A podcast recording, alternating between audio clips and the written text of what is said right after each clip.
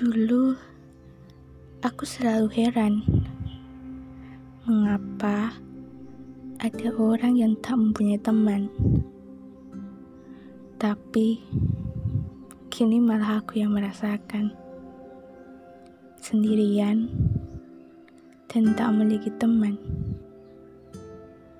Mungkin memang karena aku yang salah,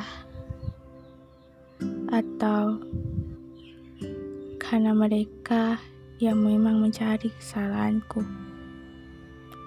Yang pasti, ini akan aku jadikan sebagai pelajaran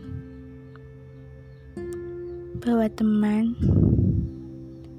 juga akan ada saatnya untuk mencari teman yang lainnya.